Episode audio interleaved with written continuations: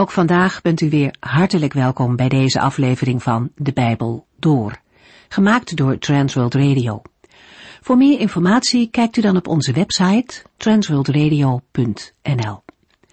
In deze serie gaat u in vijf jaar tijd met ons de Bijbel door, van Genesis 1 tot en met het laatste vers in Openbaring 22. In hoofdstuk 2 van het Bijbelboek Jeremia begint zijn openbare optreden. Hij moet het woord van de Here in Jeruzalem gaan brengen. Deze stad was het centrum van de macht, economie en de godsdienst. Jeremia heeft met name in Jeruzalem en vooral in de tempel gesproken tot het volk. Hij was niet de enige met een boodschap. Veel anderen spraken ook over God, maar die gaven hun eigen invulling daaraan. Jeremia komt echt met woorden van God. De kern van zijn boodschap is dat hij het volk erop wijst dat ze de Heere in de steek hebben gelaten.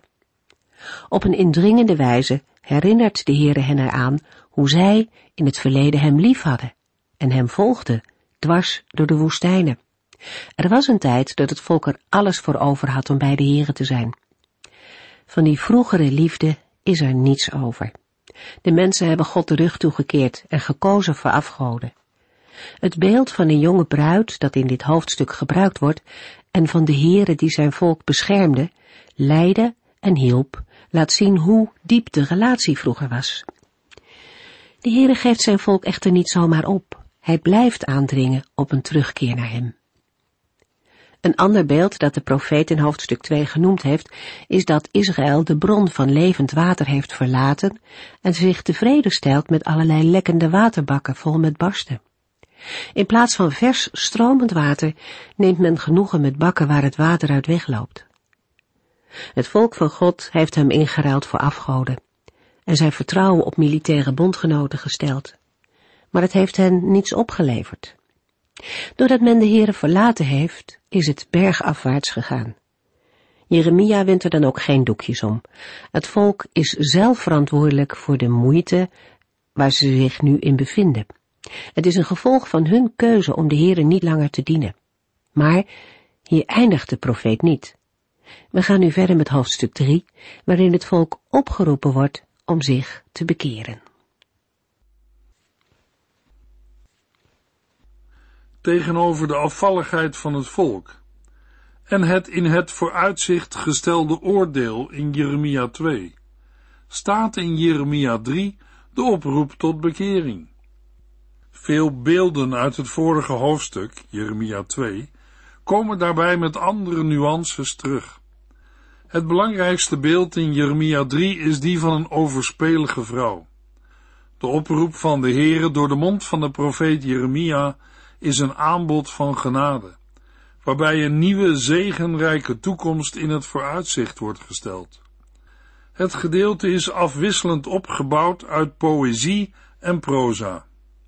Jeremia 3 vers 1 De Heere zei tegen mij, als een man zijn vrouw verstoot en ze gaat bij hem weg en trouwt met een andere man, kan hij dan nog wel bij haar terugkeren? Als zoiets veel zou voorkomen, zou het hele land ontheiligd worden. Maar u leeft als een prostituee en houdt er talloze minnaars op na. Denkt u dan echt dat u ooit weer naar mij kunt terugkeren? Zegt de Heere. Als vervolg van de aanklacht van de Heere tegen zijn volk, begint Jeremia 3 met een gedeelte uit een wet over het huwelijksrecht. Deze wet zegt dat een gescheiden vrouw die hertrouwt nooit meer herenigd kan worden met haar eerste man. Juda scheidde van de Heere en trouwde met andere goden. De Heere zegt, u leeft als een prostituee en houdt er talloze minnaars op na. Als het volk zo overspelig leeft, heeft de Heer alle recht om zijn dwarse en overspelige volk voor goed te verstoten. Maar in zijn barmhartigheid en genade is de Heere bereid zijn volk weer terug te nemen. Dit laatste zal blijken uit het vervolg. De vraag aan het slot van vers 1 Denkt u dan echt dat u ooit weer naar mij kunt terugkeren? Deze vraag is uiterst dringend en roept een andere vraag op. Kan de Heere zijn volk wel terugnemen, zelfs als het volk dat zou willen? Verderop in Jeremia 3 blijkt de Heere genadiger dan op basis van Deuteronomium 24 mogelijk is. Doordat het beeld verschuift van echtgenoten naar kinderen. Maar voordat dit perspectief geopend kan worden, moet het volk eerst tot inkeer worden gebracht. Jeremia 3 vers 2 Is er één plaats in het land waar u zich niet hebt laten misbruiken door overspel? U zit als een prostituee langs de kant van de weg, als een rover in de woestijn. U hebt het land verontreinigd met uw prostitutie en andere goddeloze daden. Opnieuw wordt het volk gewezen op haar overspel met andere goden. Als een prostituee heeft Israël zich aangeboden langs de wegen, zoals een Arabier zijn koopwaar aanbiedt. Een aantal uitleggers wijzen met betrekking tot dit laatste op roofzuchtige Bedouinen, vandaar dat het boek vertaalt met als een rover in de woestijn. Het volk heeft met overspel met de afgoden en andere goddeloze daden het land verontreinigd en de gevolgen zijn te merken. Jeremia 3 vers 3 Daarom bleven de lenteregens uit, want u bent een prostituee net zo brutaal. Het uitblijven van regens bracht de oogst ernstig in gevaar en betekende vrijwel zeker honger. Maar het volk is als een hoer die niet tot schaamte over haar overspel gebracht kan worden, omdat ze koppig weigert het kwade daarvan in te zien. Zij zien de ironie niet van het feit dat zij op de kale heuvels de vruchtbaarheidsgoden aanbidden, terwijl de Heer ervoor zorgt dat de lenteregens uitblijven en zij honger moeten lijden. Jeremia 3 vers 4 en 5 En toch, zegt u tegen mij, och vader, u bent altijd mijn vriend geweest. U kunt toch niet boos blijven om iets onbelangrijks? Dat zult u toch wel vergeten? Zo praat u. Maar ondertussen gaat u gewoon door met zoveel mogelijk kwaad te doen. Tussen de regels door klinkt er opnieuw een vraag. Wil het volk nu de Heere weer mijn vader noemen? Zal hij altijd boos blijven? Of met andere woorden, blijft hij eeuwig zijn toorn bewaren? Het antwoord lijkt voor de hand te liggen. Zo is de Heere niet. Maar het vervolg maakt duidelijk hoe de zaken er werkelijk voor staan. Ondertussen gaat u gewoon door met zoveel mogelijk kwaad te doen. Te gemakkelijk wordt door het volk gezegd dat de Heere wel genadig zal zijn, dat hij zal vergeven en niet boos blijft. De woorden, u kunt toch niet boos blijven om iets onbelangrijks, dat zult u toch wel vergeten, komen aanmatigend en schaamteloos over, alsof het volk de Heere voorschrijft hoe hij moet handelen. Dat is goedkope genade. De woorden van het volk zijn leeg en zonder inhoud. Als zij gewoon doorgaan met kwaad te doen en hun zonde bagatelliseren, kunnen zij Gods kinderen niet zijn. Deze woorden roepen de vraag op, zijn er zonden in uw of jouw leven? Zonden waarvan een mens zich afmaakt met woorden als onbelangrijk of God zal het wel vergeven. De Heere zegt dat wij onze zonden moeten beleiden en ze moeten nalaten. In Spreuken 28 vers 13 lezen we, Wie niet voor zijn zonden uitkomt, kent geen voorspoed. Maar wie ze beleidt en zijn leven betert, kan rekenen op liefde en genade. Jeremia 3 vers 6 en 7 De volgende boodschap van de Heere kreeg ik tijdens de regering van koning Josia. Hebt u gezien hoe ontrouw Israël is? Als een prostituee die zich bij elke gelegenheid aan mannen geeft, aanbad Israël haar afgoden op elke heuvel en in de schaduw van elke boom. Ik dacht dat zij op een goede dag naar mij zou terugkeren en weer van mij zou zijn, maar ze kwam niet terug. En haar trouweloze zuster Juda zag de voortdurende opstandigheid van Israël. In de nu volgende verse wordt het noordelijke koninkrijk Israël en het zuidelijke koninkrijk Juda voorgesteld als twee zussen. Maar de tweede is nog erger dan de eerste. Vers 6 dateert deze boodschap van de Heere in de regeringsperiode van koning Josia. De Hebreeuwse woorden geven de namen van de gezusters aan als afkerige of ontrouwe en trouweloze. In andere vertalingen lezen we afkerigheid en trouweloosheid. Het woord afkerigheid is verbonden met omkeren en afkeren. De Heere gaf Israël de gelegenheid bij hem terug te keren, maar dat deden zij niet. Haar zuster, trouweloos, Juda, zag dit. Jeremia 3 vers 8 tot en met 11. Toch schonk zij daar geen aandacht aan, ook al zag zij dat ik het ontrouwe Israël verstoten. Maar nu heeft ook Juda mij verlaten en zich aan anderen verkocht. Lichtzinnig, zonder er verder bij na te denken, begon zij stenen en houten afgoden te vereren. Zo werd het land verontreinigd en ontheiligd. Deze trouweloze zuster Juda keerde niet echt naar mij terug, want haar berouw was maar schijn, zegt de Heere God. Als het erop aankomt, is het ontrouwe Israël minder schuldig dan het bedriegelijke Juda.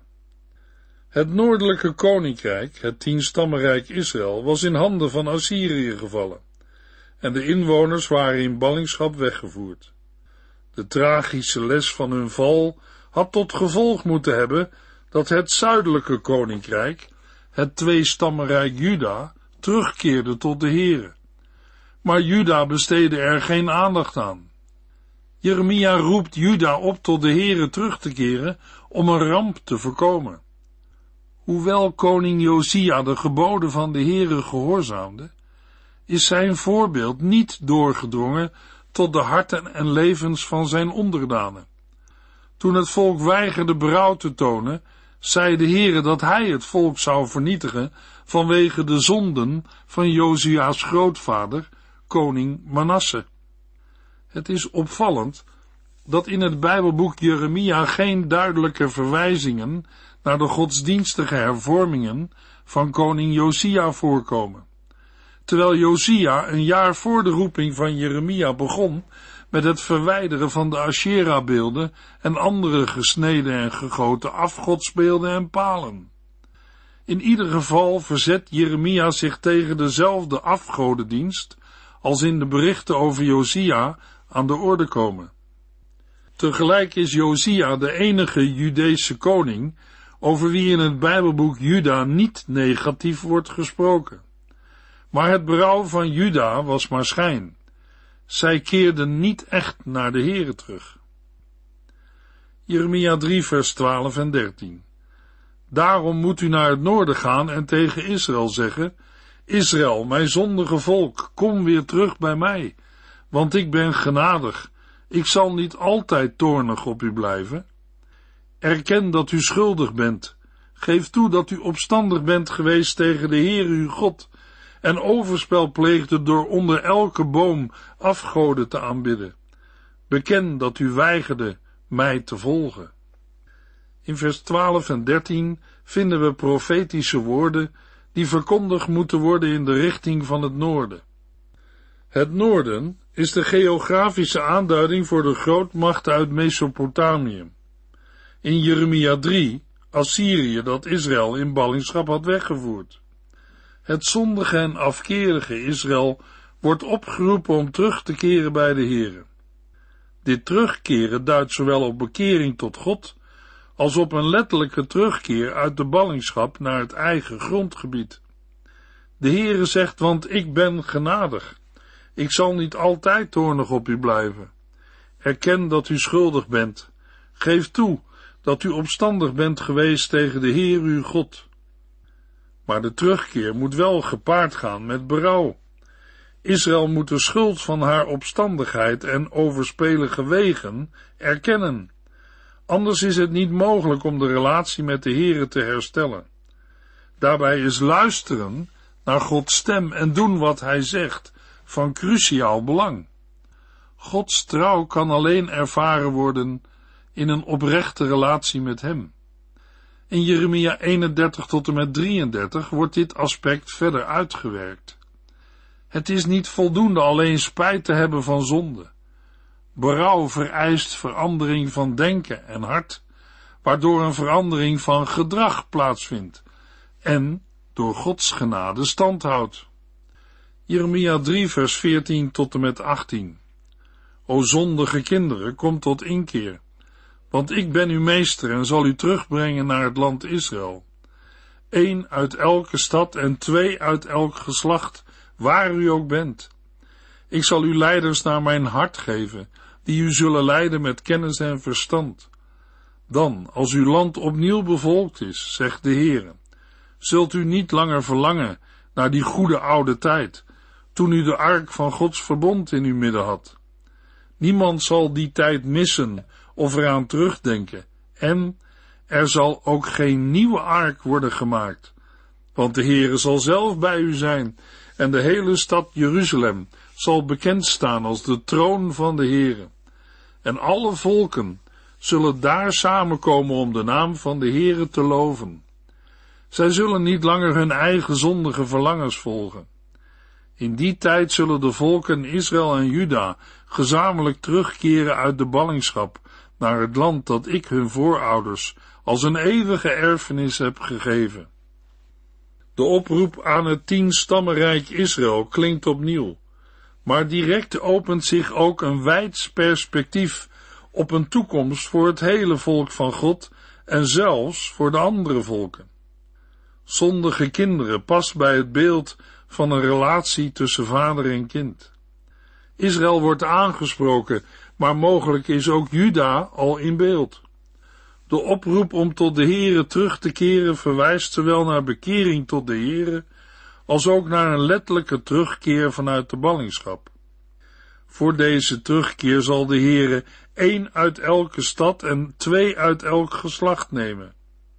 Sommige uitleggers interpreteren dit als een aanduiding dat maar een klein aantal zal terugkeren, waarin desondanks het hele volk is vertegenwoordigd.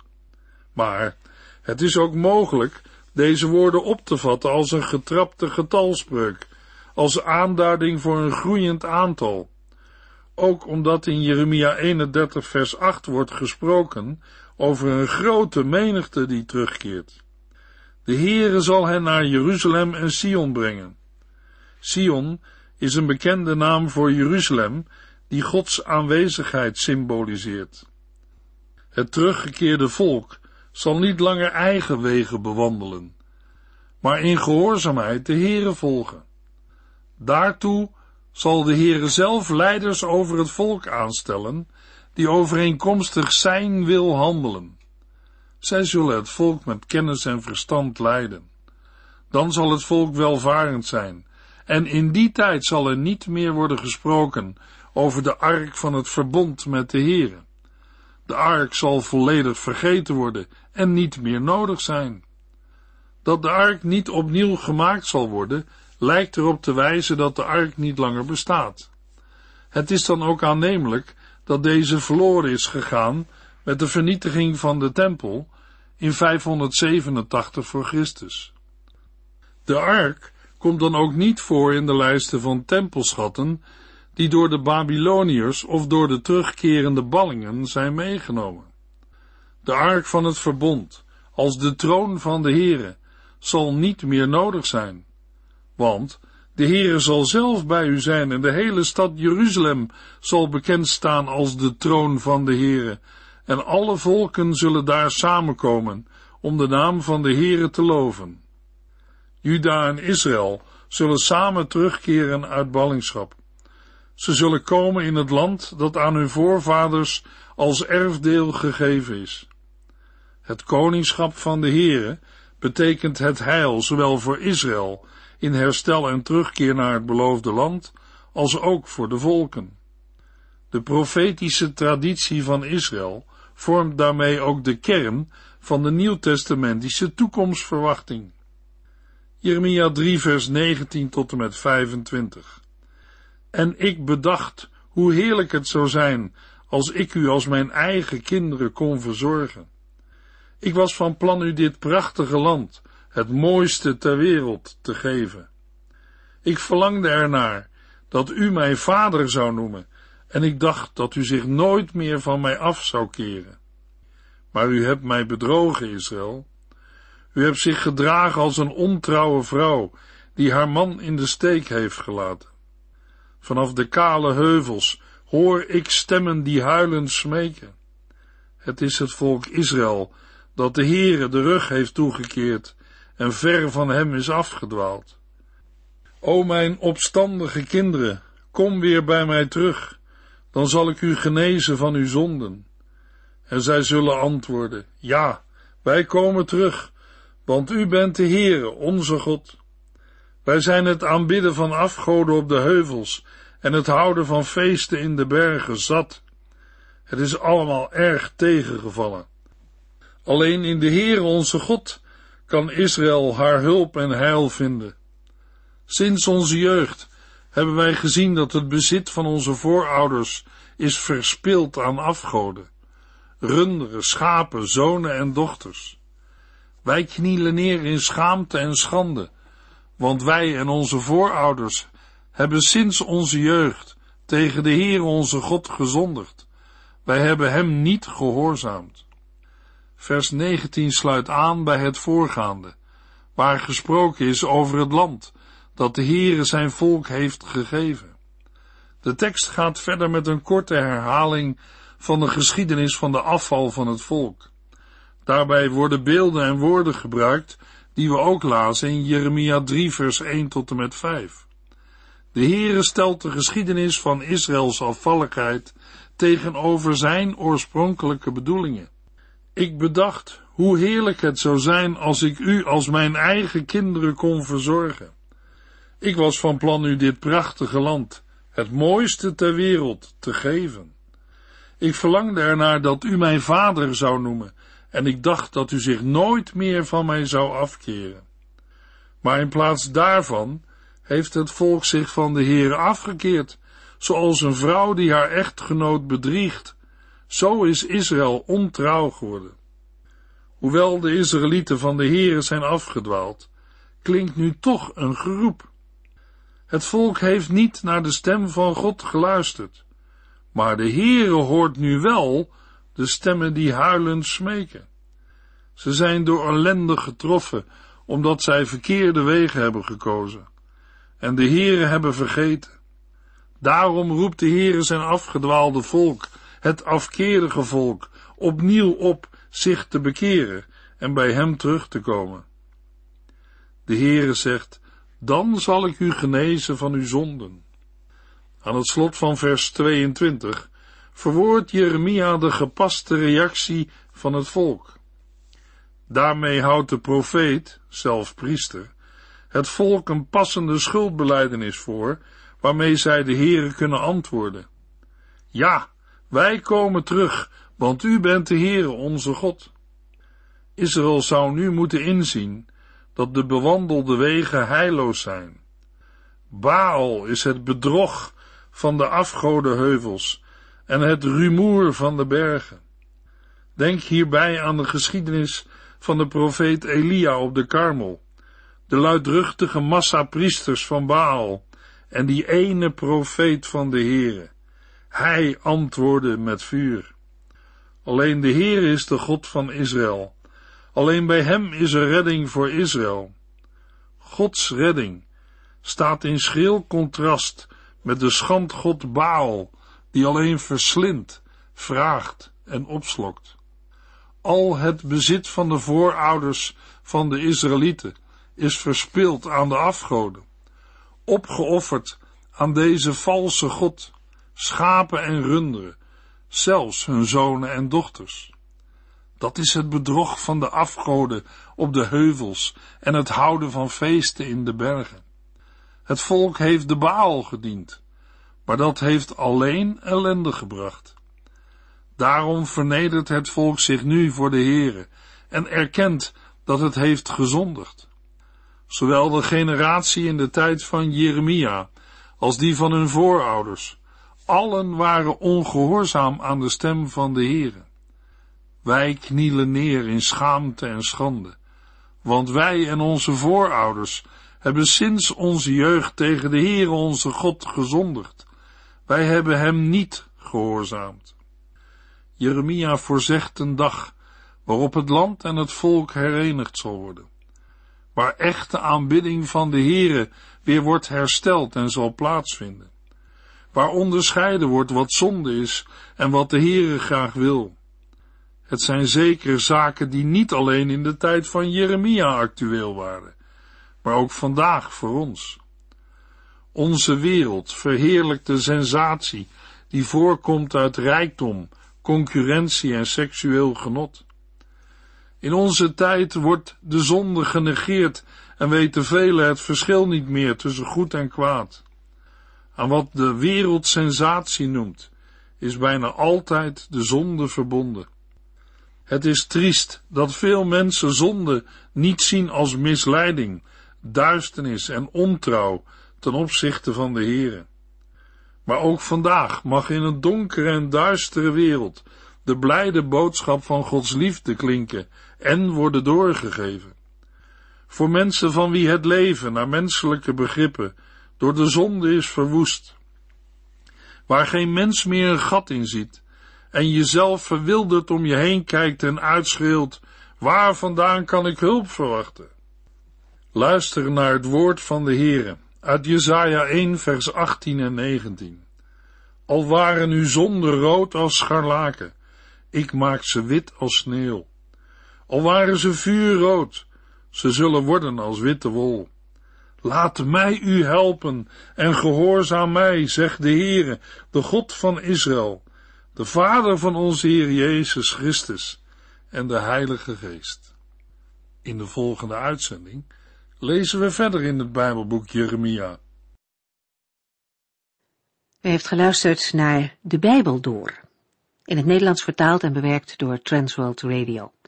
Een programma waarin we in vijf jaar tijd de hele Bijbel doorgaan. Als u wilt reageren op deze uitzending of u heeft vragen, dan kunt u contact met ons opnemen. Tijdens kantooruren kunt u bellen op 0342 478432. 0342 478432. Ook kunt u een e-mail sturen naar de at transworldradio.nl en natuurlijk kunt u ook via de post ons bereiken. TWR, postbus 371, postcode 3770, AJ in Barneveld. Dit programma werd gepresenteerd door Cor Weda en Ike André. Techniek was in handen van Odin van Voorkom. En wij allemaal bedanken u voor het luisteren. Graag tot de volgende keer.